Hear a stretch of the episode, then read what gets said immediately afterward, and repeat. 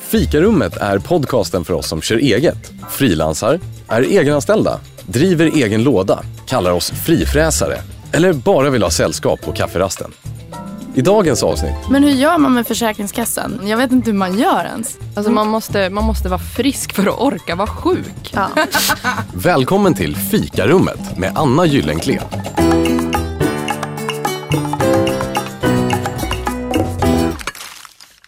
Hej och välkommen till eh, Fikarummet. Eh, idag har jag två nya kollegor här.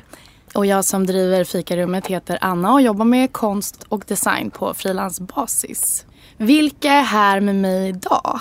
Ja, jag eh, heter Rebecca Panzer och jag är frilansande ljudtekniker eh, först och främst.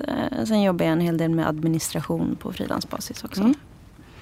Mm. Och mitt namn är Amanda Nilsson. Jag jobbar som frilansfotograf. Främst inom reklam, mode och porträtt. Lite olika saker som vanligt där. Då. Idag kommer vi prata om eh, vad som händer när det inte riktigt blir som man har tänkt sig.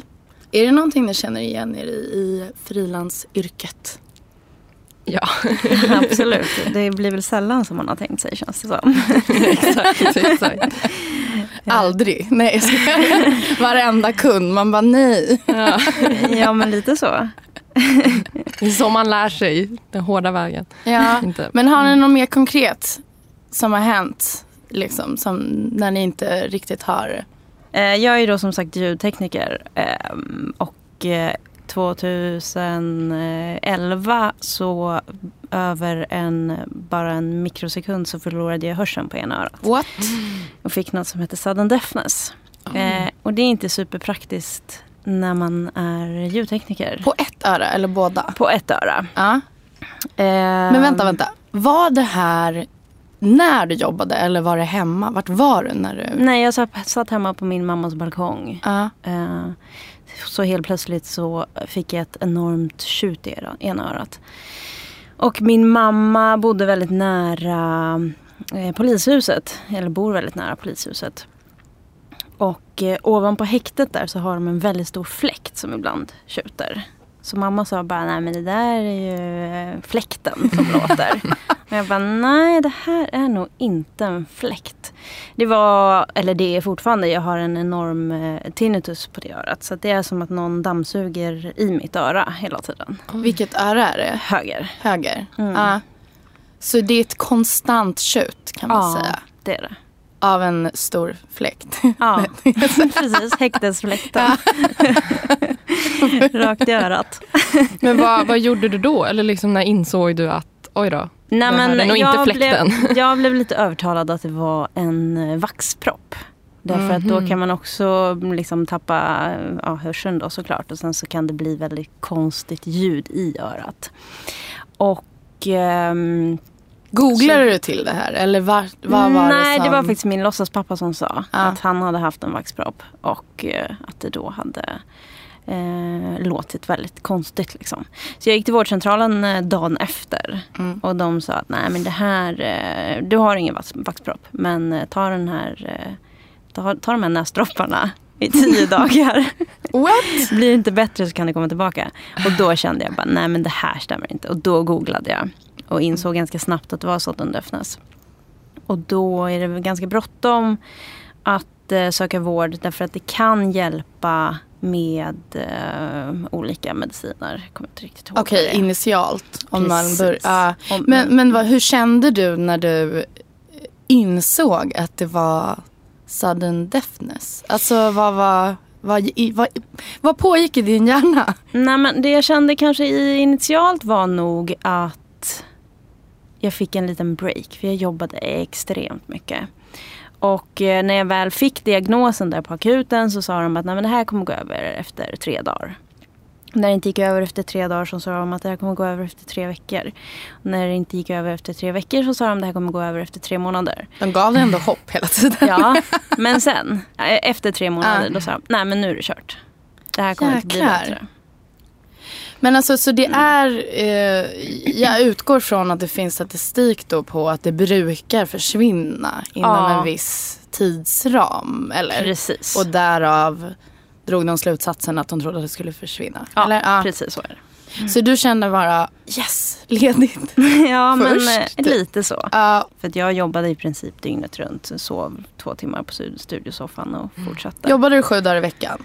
I princip, ja. Det gick lite i perioder. Jag höll på att starta upp en studio. Då var jag anställd. Mm.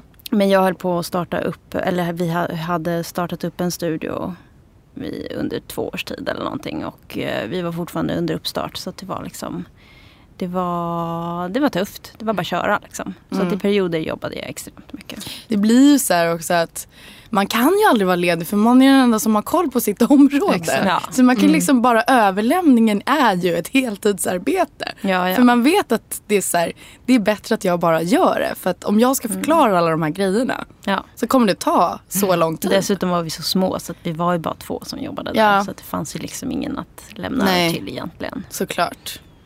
Men de klarade sig utan mig när jag blev sjukskriven. Så. Ja. Men det är ju det, man har ju någon så här fantasi om att de inte klarar sig utan en själv. Ja. Känner du igen dig i det här? Ja, eh, för det var ju lite vad som var min väg där det inte gick som det skulle. Mm. Eh, jag blev utbränd. Eh, och det var också lite i samma veva som jag Eh, jag hade slu- long story short, eh, jag hade slutat fotoskolan, eh, började frilansa, jobbade som eh, studiomanager på en hyrstudio. Eh, men kände så här, lite ekonomisk stress, lite postskola trötthet eh, och eh, fick ett erbjudande om att ta ett eh, lite kontorsjobb som en agentassistent på en filmagentur. Samtidigt som jag frilansade. Alltså man hör redan där att så här, och? jag, Och sen? Ja, och sen och sen. Eh, så mina dagar såg ut som att så här, jag jobbade 100% på kontoret och sen åkte jag till min ateljé och så satt jag där och så åkte jag hem och sov några timmar och så, ja. Hur många timmar sov du Eh, snitt? Eller ni, båda två under den här perioden? Ja. Liksom. kommer typ inte riktigt ihåg. Eh, men kanske sex, fem, eller, Ja. ja. något sånt. Eh, men eh, en dag så tog det ju bara stopp. Eh, och eh, jag började få så här, panikångestattacker. Jag glömde eh, det mail jag hade läst. Alltså när jag, det var tre rader långt. Men när jag kom till med vänliga hälsningar hade jag glömt vad som stod i mejlet. Eh, och eh, fick synrubbningar och minnesförlust. Och, min omgivning, min familj och allting, de hade ju sa väldigt mycket att så här, nu, du måste sakta ner. Och jag var så här, nej, nej, nej. Jag fick ju lära mig på skolan, man måste jobba hårt i den här branschen och så här, det måste man ju. Men det finns ju en gräns. Mm. Eh, och jag, säger jag tycker det är kul det jag håller på med. Det är ju min, min hobby, är ju mitt jobb. Eh, och eh, då blir det att man kör ju bara på. Och jag ville ju liksom lyckas och folk sa att jag hade ambition och jag hade glöd och driv och så här. Och det är saker som jag ja, men, ser upp till och bara, men det där kan jag, det vill jag identifiera mig med och då fortsätter man ju. Eh, Tror du att Så. du blev den här glöden kanske? Och att du personifierar dig med det? Alltså att det blev så här... uh, I want to be the fire och så körde man på. Men förstår du ja, vad jag ja menar? men kanske. Eh, absolut. Och det var också för att ja, men, jag hade liksom vänner och eh, bekanta som hörde av sig och bara gud vilken inspiration du är.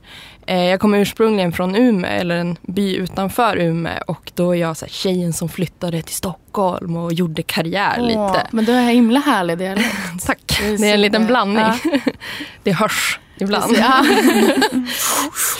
exakt, exakt. Ehm, så då, ja, alltså så här i efterhand så hade jag velat slå mig själv med en stol i huvudet och bara, men hallå, Mm. det funkar inte. Och jag fick ju det på papper sen när jag sökte mig till vårdcentralen och bara, så jag är så trött. Och jag, jag trodde först att jag bara var deprimerad. Eh, för att jag så här, såg, inget var kul längre. Eh, men jag hade en jätte, jättebra läkare. Jag är jättetacksam för den hjälpen jag fick för det gick väldigt fort till att jag blev eh, 100% sjukskriven och fick en samtalsterapeut. Jag vet att jättemånga får inte den hjälpen men jag hade jättetur. Att de hade, jag vet inte, de hade någon lucka eller Mm. något. Så man kan säga att du blev uppfångad tidigt. Mm. Eh, Men var det läskigt och svårt att söka hjälp? Eller hur känner du? Ja, det Ja. var det. Eh, och jag, För det är ju liksom inte Ja. påtagligt. Nej. Eller förstår ni vad jag menar? Mm. Att det är så här, det är ju mycket psykiskt Mm. men också såklart fysiskt för att man är utmattad. Men Mm. hur kändes det att söka hjälp för båda er? Jag var ju jätterädd att så här, men, om, om jag hade brutit armen, så här, du ser att min arm är bruten men du ser inte vad som pågår i mitt huvud. Och jag kan tänka det var samma för dig med liksom hörseln, att det är bara du som hör.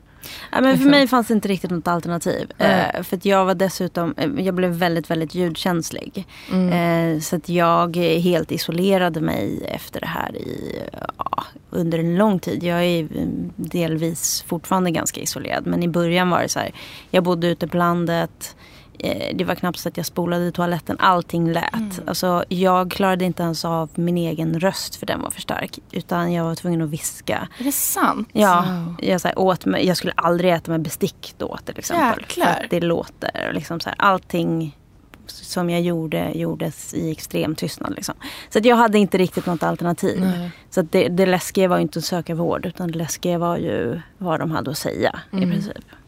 Så du isolerade dig och Mm. ja, men för att du var tvungen för att hantera den här Ja. äh, mer eller mindre vad ska man säga, din, ditt liv tog ju en hel omvändning. Absolut. Och vad gjorde du för att komma på bättringsväg? Vad var dina åtgärder? Vad var du tvungen att göra? Ja, då, då i min situation så var jag ju, jag hade en provanställning på det här på filmagenturen och den tog slut ganska någon månad efter jag ändå var, blev liksom sjukskriven. Eh, så jag var tvungen att liksom avsluta det. Eh, jag fick ju berätta för alla mina nära och kära att så här, jag kommer inte kunna svara i telefon för att bara sådana små saker blev jättestressande för mig då. För att alltså, min stressnivå var så hög redan. Och jag fick ju vila och sova mycket.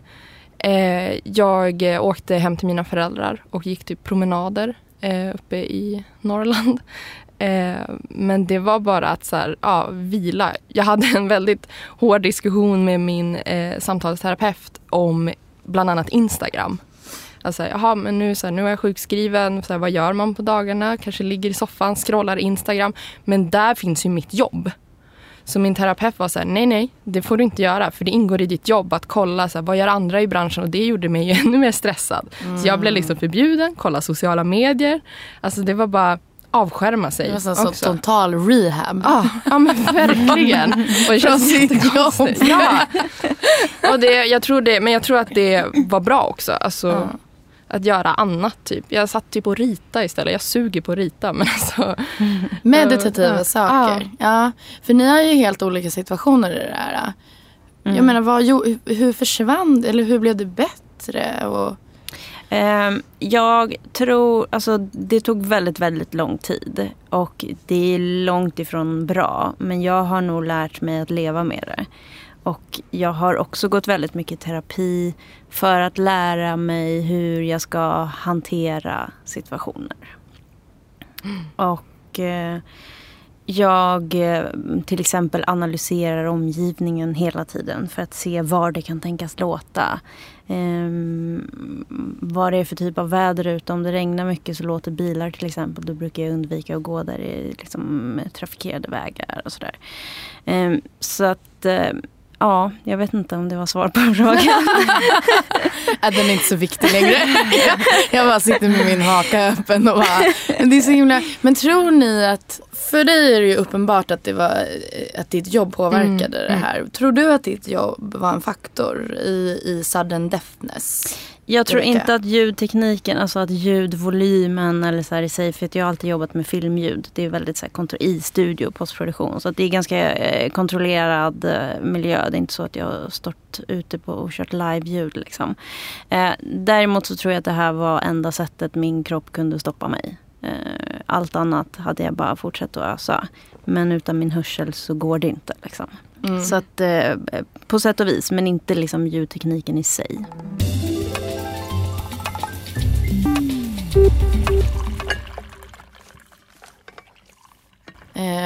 Men hur reagerade era familjer på det här? Fick ni hjälp? Förstod de? Eller var det förutom fläkten på häktet? Nej, men, Nej, men hur fick ni, jag tänker att rent spontant, hur reagerar era familjer? Jag fick ju väldigt alltså, bra hjälp. Så, och mina föräldrar hade ju sett det här komma. Alltså de såg och visste ju att jag jobbade väldigt mycket och för mycket. Och de tyckte ju att jag skulle sakta ner betydligt tidigare än vad jag själv tyckte. Så eh, när de var ju så här, ja, typ skyll dig själv. Nej, inte så. Men så här, vi, ja, vi såg det här komma. Ja. Vad tråkigt att det kom till det. Eller så här. Den där jobbiga jäveln som bara, jag sa ju det. Ja, inte, nej, de var inte så taskiga. Nej. Nej. de var jätte, jätte alltså, förstående. Men Mm. absolut att när jag så här, åh nej, jag kan inte vara där det var mycket folk hade jag svårt att vara. Mm. Alltså typ folksamlingar på ett köpcenter eller gå ärenden. Att gå och handla Mm. var ju jobbigt. Eh, och det tog väldigt mycket energi och man behövde vila väldigt mycket efteråt. Och jag var väldigt så här, ni ringer inte mig, jag ringer er. Mm. Och det var ju kanske svårt i början men ju mer jag liksom bara förklarade att så här, jag blir väldigt trött av alla intryck eh, så förstod de och eh, ja, men gav mig space och känna efter själv. Så. Mm. Och hur reagerade din familj? På... Eh, jag tror att alla i min omgivning har extremt svårt att förstå. Och det har, skulle jag säga att de fortfarande har.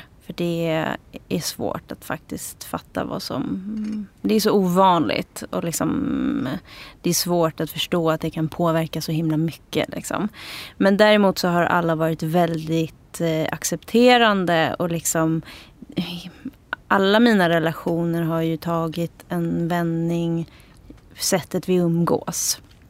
Eh, jag är inte med på liksom eh, saker, kalas och sånt där, där det är mycket folk. Utan jag ser till att träffa folk en och en eller två och två. Och vi ses alltid hemma och sådär. Så att det har ju liksom ändrat sättet jag umgås med alla på. Men jag känner verkligen att jag har haft turen att alla har varit väldigt ja, men förstående på det viset att de, liksom, ja, men att de accepterar det och eh, stöttar mig i det jag går igenom. För det känns ändå som att när man hör på andra som har varit sjuka så märker man väldigt många så här, familj och vänner lite vänder om ryggen och tycker att man ska skärpa till sig. Mm, liksom. klassiska arbetarklassinställningen. Mm. Mm. Bara, fix it. Precis. Men känner du, någon, alltså, känner du till någon annan som har samma? ja, jag känner faktiskt den. Så ni kan liksom ha stöd ja, hos Ja. varandra? Ja. Hur hittar ni varandra? Nej, Eller men- vadå, fick ni samtidigt? Ja, det var min mamma där. Nej, jag skojar. Nej, men eh, jag gick eh, på min vårdcentral ganska länge. Och eh, de hade en AT-läkare. En eh, ung kille, eller ung kille, han var i min ålder, 30-årsåldern. Ung. som, eh, precis, eh, som Ja. hon introducerade mig för, som också hade det då. Gud vad bra. Doktor Döv Vad som jag kallar honom för. vad gulligt. Ja, men det är super. Ja, så ni kan prata om det här tillsammans? Om Ja. Så här, ja. Precis. Men hur, jag tänker så här, rent aspekten att bli av med hörseln på ena örat när man är ljudtekniker. Mm. Det är som att jag som konstnär skulle bli av med synen alltså jag menar det måste ju vara en del av din identitet på något Ja, sätt. det var ju nästan till hela min identitet skulle jag vilja påstå. Det var eh, supertufft. Det kändes som att allting jag hade jobbat för i princip hela mitt liv. För att jag började i väldigt ung ålder. Att jag, jag, var väldigt målmedveten och visste bara vad jag ville göra. Var det ljud då? Ja, precis. Mm, ljud och film. Men sen så blev det mer och mer ljud. Allting jag hade byggt upp och allting som jag hade jobbat för och verkligen så slitit för. Alla de där sena nätterna man jobbade. Det var ju liksom för att komma någonstans. Och sen så var det som att allting bara liksom raserades. Ehm, och det var supertufft. Men nu har jag ju faktiskt kunnat arbeta mig tillbaka till att jobba i alla fall deltid med ljud. Och det känns eh, otroligt skönt. Mm, på frilansbasis då? Eller? Precis, på Ja. frilansbasis. Och det är samma typ av ljud eller har du ändrat inriktning? Ja, men jag har ändrat inriktning en aning. Eh, jag har jobbat väldigt mycket med dubbning av eh, tecknade filmer och sånt där. Barn, barnprogram.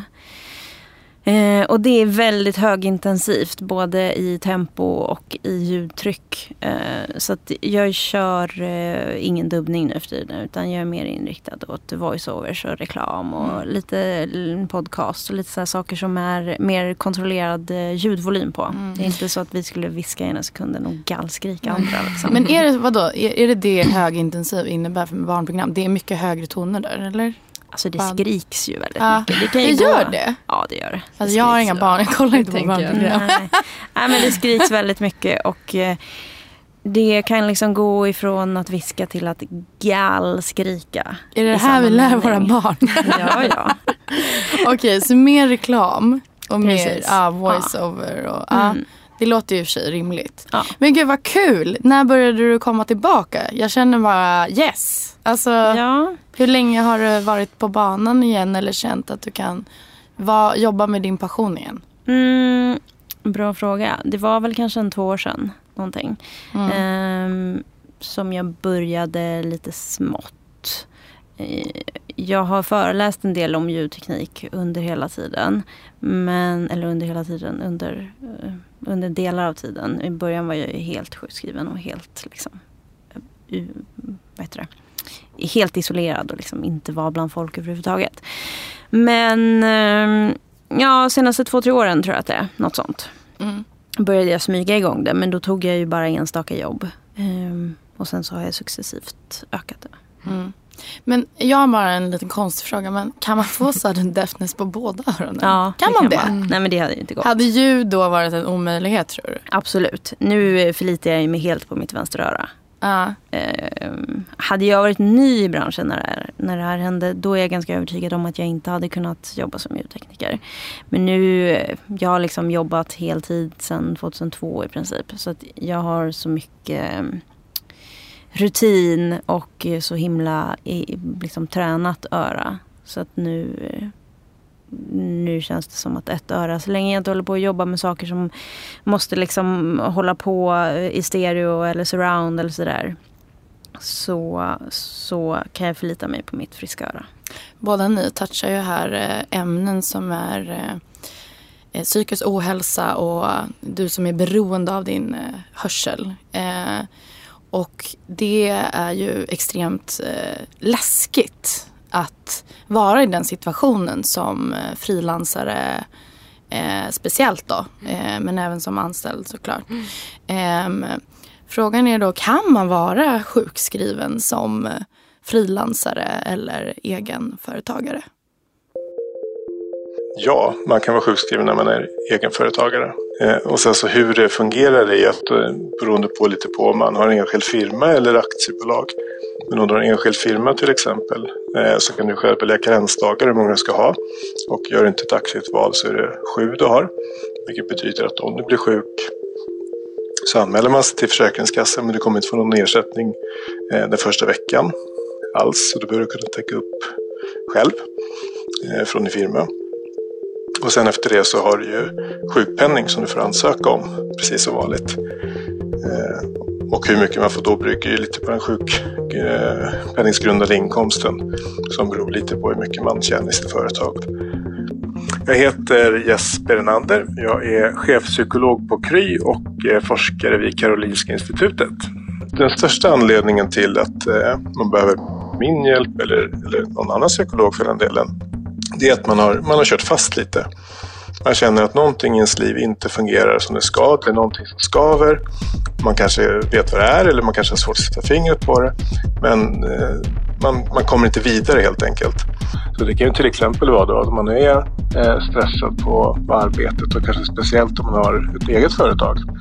Alltså det kan finnas en osäkerhet kring inkomst, om jag får tillräckligt mycket arbete den här månaden eller inte. Din lön är beroende av att man faktiskt inte kan tacka nej till jobb utan att man måste eh, ha inkomst på något sätt. Men även som egenföretagare handlar det om att hitta en, en balans i det här. Att faktiskt också kunna planera in alltså vila och återhämtning. Och generellt tips med, med, när man tänker att jag måste vila eller återhämta mig så kanske man tittar, eh, alltså slösurfar i mobilen eller tittar på någon serie och sådana saker. Men det är ju inte riktigt återhämtning heller. Då går ju hjärnan fortfarande på högvarv lite. Så det gäller ju att hitta saker som man faktiskt kan lugna ner sig själv. Så att inte kolla mejlen hela tiden, att inte vara tillgänglig jämt. Det vanliga om man är stressad generellt som egenföretag eller om man är egen firma, det är att man söker alldeles för sent eller att man faktiskt pushar sig själv tills man kanske går in i väggen. Tidiga tecken på det kan vara att man blir väldigt glömsk. Man lägger liksom nycklarna i kylskåpet eller man, man glömmer bort vissa, och göra vissa saker. Att man får svårt att koncentrera sig. Det kan vara så att man sitter och pratar med någon och den personen är lite så här bortspejsat, hör inte riktigt vad man säger och måste påkalla uppmärksamheten igen. Att man får sömnproblem eller svårt att sova är en annan vanlig sak. Ehm, så det finns ändå vissa tecken och tidiga tecken på att man kanske faktiskt behöver fundera över om man har en bra balans i livet eller inte. I Sverige så finns det väldigt mycket stigma kring de här typerna av besvär. Eh, vilket gör att man också drar sig för att söka vård för det. Man drar sig för att söka hjälp tills man faktiskt mår väldigt dåligt. Och det tänker jag så här, det är superviktigt att faktiskt söka tid och ta hand om sig själv. De flesta träffar ju sin tandläkare oftare och tar hand om sina tänder än vad vi tar hand om vår insida och oss själva. Man behöver främja psykisk hälsa minst lika mycket. Det är inte meningen att man ska jobba ihjäl sig själv när man har eget heller. Känner ni igen er i det Jesper pratar om att ha kört fast? Ja, 100 procent. du var fast? ja, ja, nej men absolut.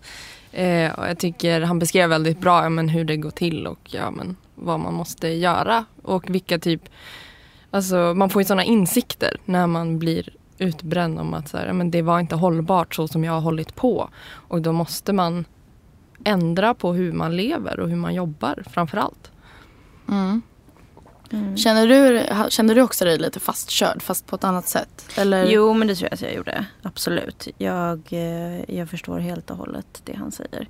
Däremot mm. så kan jag också tycka att um, att man, det han sa om att man söker vård, för, eh, att man söker hjälp för sent. Jag kan ju känna så här, ibland när man går och söker vård för någonting så känns det som att alltså vården är så överarbetad så att det känns ofta som att, att man, att de klappar en lite på huvudet och säger nej men det där var ju inte så farligt och är lite trött, det är mm. alla. Mm. Mm. Eh, och då, det gör ju också att man faktiskt inte vill söka hjälp. Mm, därför att det känns som att man överdriver. Mm. Eller liksom. Mm. Alternativt att man måste överdriva för att de mm. ens ska lyssna på en. Mm.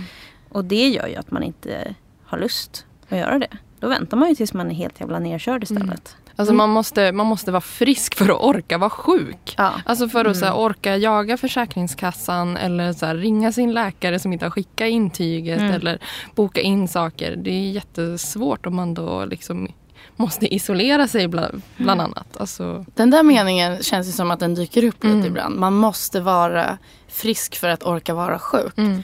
Det är så himla konstigt. det är så himla paradox. Liksom. Mm. Men alltså, hur, känn, hur fick ni dem att förstå? Tror ni att det fanns bidragande faktorer? Jag tänker så här att din var ju väldigt konkret. Mm. Så att den var ju så här, det går ju inte ens att diskutera. Eller kan man se kan man göra undersökningar och se att det verkligen är så? Eller? Man kan ju se att jag har ett hörselbortfall. Mm. Eh, det kan man ju göra. Jag är ju inte helt hundraprocentigt döv utan jag har en extrem eller en väldigt hög eh, hörselnedsättning kanske jag ska tillägga. Men eh, det kan man ju se men de andra grejerna kan man ju inte se. Mitt stora problem är ju inte att jag hör. Mitt stora problem är ju det jag faktiskt hör. Alltså den extrema tinnitusen och eh, ljudöverkänsligheten. Det är det som verkligen påverkar mitt liv. Men hur, hur, hur fick du din läkare att förstå? Ditt var ju mer eh, psykiskt. Mm. Jag var ju som sagt jätterädd för jag har ju hört mm. också alla dessa historier. Det finns ju ändå eh, väldigt många i ens bekantskapskrets som har, är eller varit eh, utbrända eller på väg att bli utbrända. Eh, och jag var ju ja, jätterädd att så här, de kommer inte tro mig. Men jag gick ju också dit för att jag trodde, jag sa ju bara att jag behöver prata med någon. Jag kommer dit och det tar ungefär tio sekunder så börjar jag storgråta och min läkare blir lite chockad och så här, oj oj. Eh, men eh, han lyssnar på mig och det är han då som säger så här, jag vill sjukskriva dig för jag tror att du är utmattad. Eh, du har gått in i väggen. Och det blev också en chock för mig. Bara, nej, nej, men jag, jag är bara lite ledsen just nu. Så här, jag behöver bara prata med någon. Men det var han som bara, nej men de här sakerna som du beskriver, det tyder på att du, du har jobbat för mycket. Och vad var det du beskrev? Minns du det? Eh, ja, men jag beskrev att eh, jag hade svårt att sova, att jag fick eh, synrubbningar. Jättejobbigt att vara fotograf och inte kunna... Oh, nej, du förlorade också din... Ja, men eh, det blev, alltså, jag hade svårt att här, fokusera blicken. Och skärpan. Det kunde bli, ja, lite, ja, exakt. Skärpan. Eh, autofokus funkar inte riktigt där. Eh, och eh, ja, men jag glömde bort saker. Eh, jag blev svag i liksom, kroppen eh, och var bara trött och så här, eh, väldigt typ, irriterad och bara, var ingen trevlig person. Eh, men främst då ja, men synrubbningarna och minnesförlusten var väl, eller minnes... Men hur kände du då när han sjukskrev dig? Eh, både så här, okej, okej då har jag svar. Okej, det var det här. Eh, jag fattar, typ. Men det var jättejobbigt när jag sen fick läkarintyget liksom svart på vitt, ett papper hem i brevlådan, det som skulle till Försäkringskassan. Där han hade beskrivit från hans då medicinska synvinkel att det här är vad hon lider av. Då blev det jättejobbigt. Jag tror jag blev väldigt emotionell och grät då också för att säga okej. Var det ett wake-up call kanske? Av något slag? Ja, Att få det där absolut. pappret i brevlådan. Ja, absolut.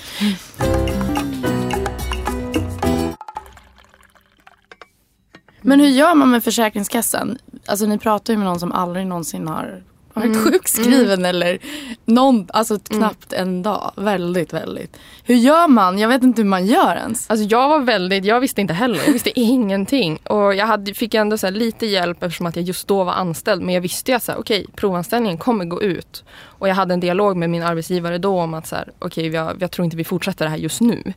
Eh, för att det var inte hållbart som jag höll på.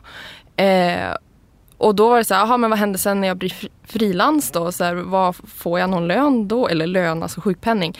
Eh, då överhuvudtaget. Men de var väldigt, jag hade en väldigt bra handledare på Försäkringskassan också som förklarade väldigt så här, men det grundas på, eh, jag tror de grundade på någon så här, så här brukar typ fotografer tjäna, ish.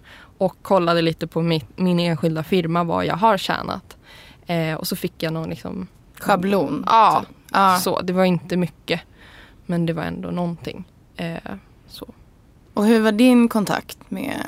Ja, Men min kontakt, jag var ju sjukskriven så himla lång tid. Mm. Jag är fortfarande sjukskriven 25 procent. Ehm, Så att jag har ju bytt kontakt.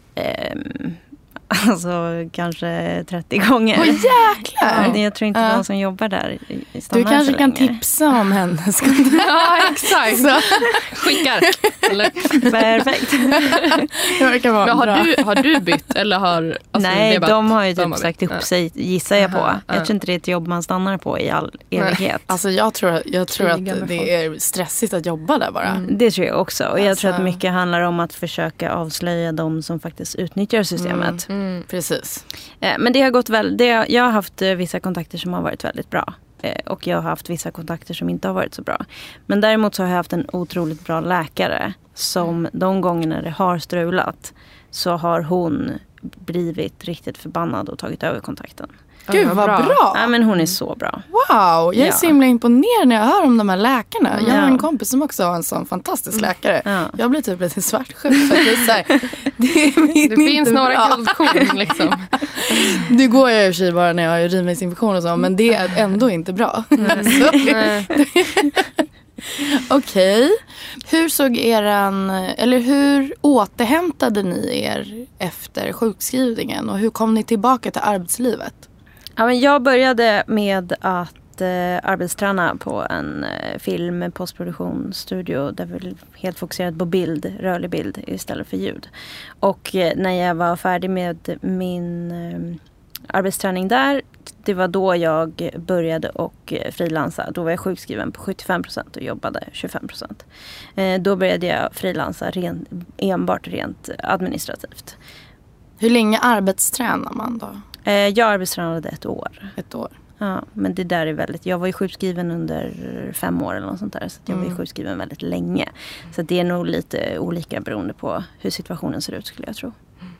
Och hur såg din ut, Amanda? Hur kom du tillbaka på marknaden? Tänkte Ja. jag säga, men det, hur, arbetsmarknaden. Ja, eh, jag var sjukskriven i ett halvår, vilket är ganska kort ändå för att ha liksom blivit utbränd. Eh, men jag började plugga på en folkhögskola eh, och det var väldigt bra. Jag tror det var det bästa alternativet för mig. Eh, den folkhögskolan handlar om att man får göra ett projekt, vilket i mitt fall var ett fotoprojekt. Det var ganska korta dagar, vilket också var bra. Och jag fick hålla på liksom med min grej. Det var in, jag hade ingen kund. Eh, och under tiden där som jag pluggade där så tog jag ändå så här, testa, gjorde några små jobb eh, på frilansbasis. Men det är först nu när jag liksom, ja, men slutat skolan där som jag verkligen känner att så här, ja, men jag måste hålla, eh, hålla mina liksom, arbetstimmar under kontorstid och liksom få verkligen jag arbetstränar typ nu fortfarande. Alltså man blir ju inte riktigt frisk. Min hjärna, det är ju något som har brunnit i min hjärna. Mm. Eh, så jag funkar inte som jag gjorde innan. Eh, och eh, ja, det, man får testa sina gränser hela tiden. Jag klarar inte samma saker som jag gjorde innan utbrändheten. Trappade du upp då på frilansbasis eller hur funkar Ja, det? men det är också det är ju svårt. Ja, Att ja. Jag är ju min chef och det är jag som betalar ut min egen lön. Så på ett sätt måste jag ju hela tiden jobba 100 procent eh, för att kunna få, ja, få in det som jag behöver. Eh, så det är, jättes, det är jätte, jättesvår balans. När man då bara, alltså när jag inte fick någon sjukpenning längre. Det var ju skönt att jag hade, jag hade ju lite CSN-uppbackning eftersom att jag pluggade på folkhögskola. Om jag bara direkt hade gått ut i frilans från det, ja, jag vet inte hur det hade gått. Nej. För då hade jag kanske behövt så här, börja på 25 eller 50 och sen trappa upp. Men det är ju svårt för att kunden förväntar sig när du tar ett frilansuppdrag att du ska ju kunna vara där på, på set i 10 timmar eller 12 timmar. Och vara spindeln i nätet som man ofta är som fotograf. Och då, det blir jättemycket intryck och ja, väldigt mycket press Mm. och stress. För att man kan ändå, jag kan uppleva att man har den där stressen även om man inte är sjuk. Alltså att man känner så här, ja ah, men nu tar ju mina uppdrag slut och sen har jag inget inbokat Exakt. där på den här en och en halv månaden. Eh, så då kanske jag tar något extra liksom och jobbar jättemycket den här må- Så jag menar så här, även om man är sjuk, alltså även om man inte är sjuk så har man lite den där, eller jag kan känna så ibland. Eh, stressen över att man inte vet vad som kommer in. För att det är ändå en ovisshet samtidigt som jag vet att det, jag har aldrig brist på jobb men jag tänker ändå så. Mm. Men eh, hur ser ni på det här med det han sa om sociala medier och streamingtjänster och mail? Nu har ju inte jag ett utmattningssyndrom på det sättet. Så att jag kanske inte påverkas lite, lika mycket som kanske Mm. du eh, gör. Som Mm. ju faktiskt stängde av din Instagram. Mm. Jag ser det som väldigt avslappnande att titta på serier. Ehm, och jag tror inte att det påverkar att jag blir stressad och sådär. Snarare tvärtom, att jag faktiskt varvar ner av det. Eh, sen mail och sånt där, absolut. Det måste man nog köra, ha, ha en restriktion på. Instagram, har du det också? Ja, jag känner inte att jag påverkas så starkt av det heller. Jag eh, följer inte konton som liksom stressar mig och jag följer vänner som inte le- lever perfekta Instagramliv. Eh, Det är ju inte jag. Gulliga, gulliga djurkonton. Ja, Liksom. men det är jag med. Följer, jag följer en med massa hundvalpar. Jaha, nej det gör inte jag. Så bra. Det är vad jag kan kolla på när jag vill bara bli lite glad. Sen Ja, bara, precis. hundvalpar. Ja. Ja, Mm, okej. Så jag tror inte heller stressar mig supermycket. Nej, men det, han, han påpekar ändå så här att det han säger är ju att det, man tror att det inte Ja, påverkar. ja. Men, men din hjärna går någonstans på en växel. Där, det, där den är, är högaktiv. Ja. Ja men precis och eh, där jag får ju fortfarande, jag kan ju ibland känna att ja, men nu, oj, nu plockade jag upp telefonen igen fast jag satt och tittade på TV. Alltså det, mitt attention span är så mycket kortare. Eh, och jag ser det på många av mina vänner också, många som är typ i min generation som växte upp med tekniken så.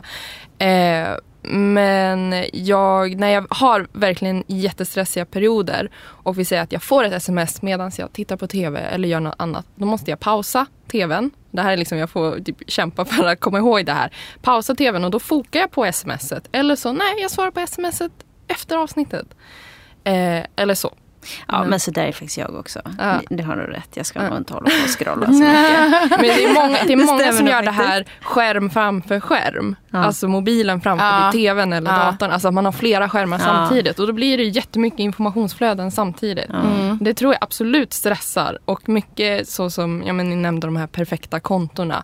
Eller typ folk som är inom samma yrkesgrupp och så här man ser oj oj nu har de gjort alla de där coola jobben eller oj det där skulle jag också vilja göra. Och absolut man blir inspirerad. Men nu kommer jag inte ihåg vem som sa det här men det var någon forskarperson som sa att eh, om du är en kreativ person så ska din inspirationskälla vara 20% och ditt skapande 80%.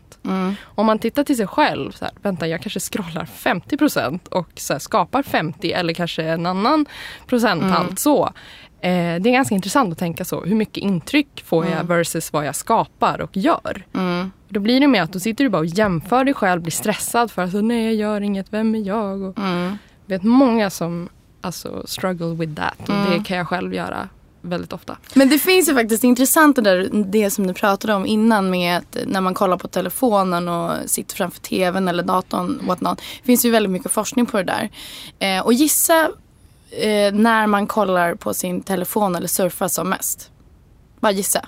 Fritt. Mm, när man har gått och lagt sig. Mm. Ja, eller typ framför tvn eller typ på buss, alltså färdmedel. Framför tvn. Mm. Det är den absolut, absolut vanligaste spotten att surf, slösurfa som man kallar det för. Det är framför tvn. Ja, det är så intressant. Det är ändå så här. Vi är ju inte riktigt gjorda för att multitaska faktiskt. Nej. Vi är inte det, människor.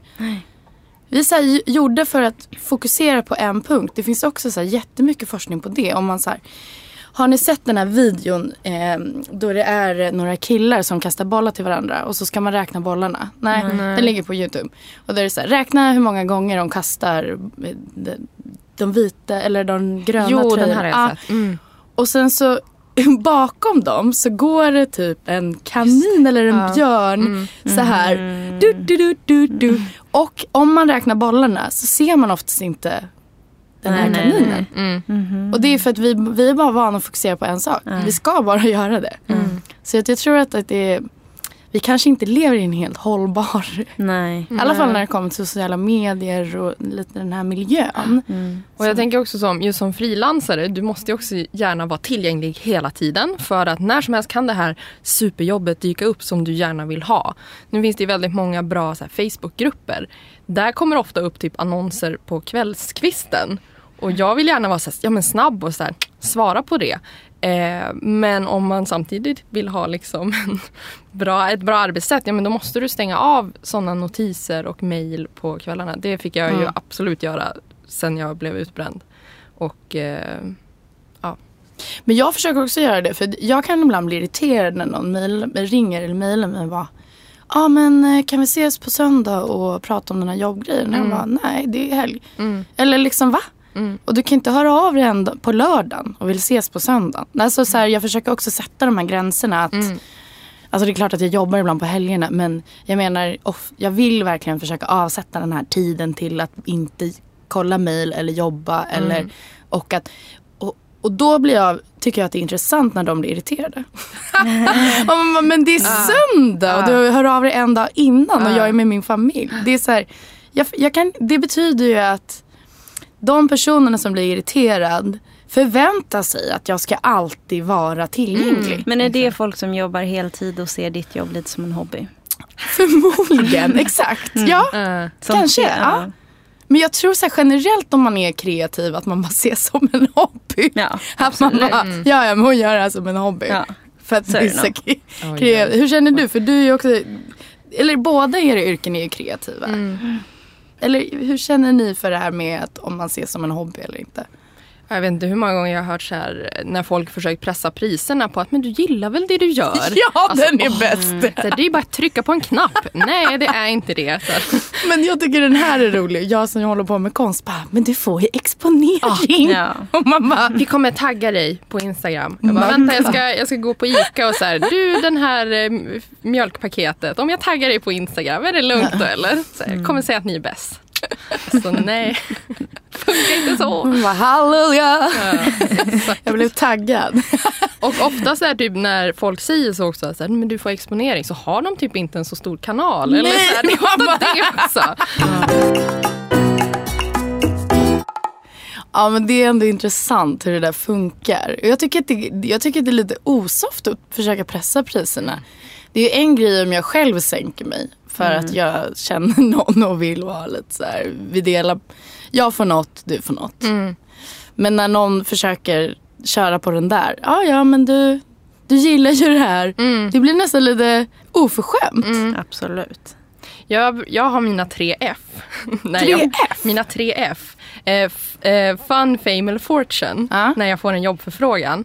Eh, och då väger jag alltid så här att ja, men, eh, om det här jobbet är fun och fame, det vill säga typ bra portfoliomaterial eller kanske ger då väldigt bra exponering eller det är en bra kund. Så här, ah, det är inte så mycket fortune. Ja, men då skulle jag typ kunna göra det. Men är det varken fun, inte fame, då ska det fan vara fortune för att man ska göra det. Ja, jag håller med. I bästa av världarna får man ju alla tre. Ja. Men ja, det är några Men verkligen, för ibland så står man ju där och bara, varför gör jag det? Det är så tråkigt jobb. Men jag måste göra det för att nu har jag sagt ja. Ja. Det är sant, gud vilken bra. Det här ska jag ta med mig, de tre F'n. Mm. Ja, men,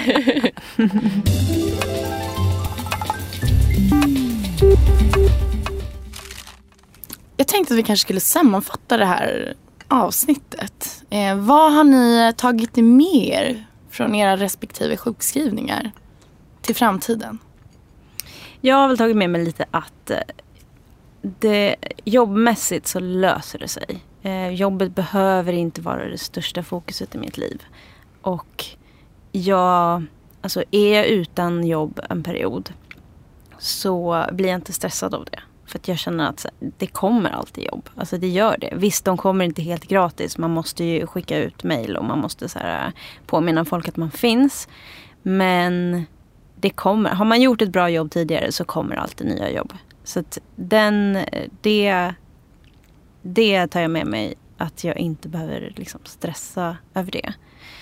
Och att eh, lyssna inåt. Vad jag faktiskt vill ta på mig för jobb och vad jag faktiskt orkar. Det, alltså för mig, att jag började frilansa när jag väl började jobba, det är det som är räddningen. Jag har blivit erbjuden flera eh, fasta tjänster. Men jag skulle inte klara det. För jag behöver friheten att själv sätta mitt schema, själv bestämma när jag vill göra vilket typ av jobb. Och det handlar om att jag tackar nej till jobb, absolut. Men som jag kommer tillbaka till att det kommer alltid nya jobb.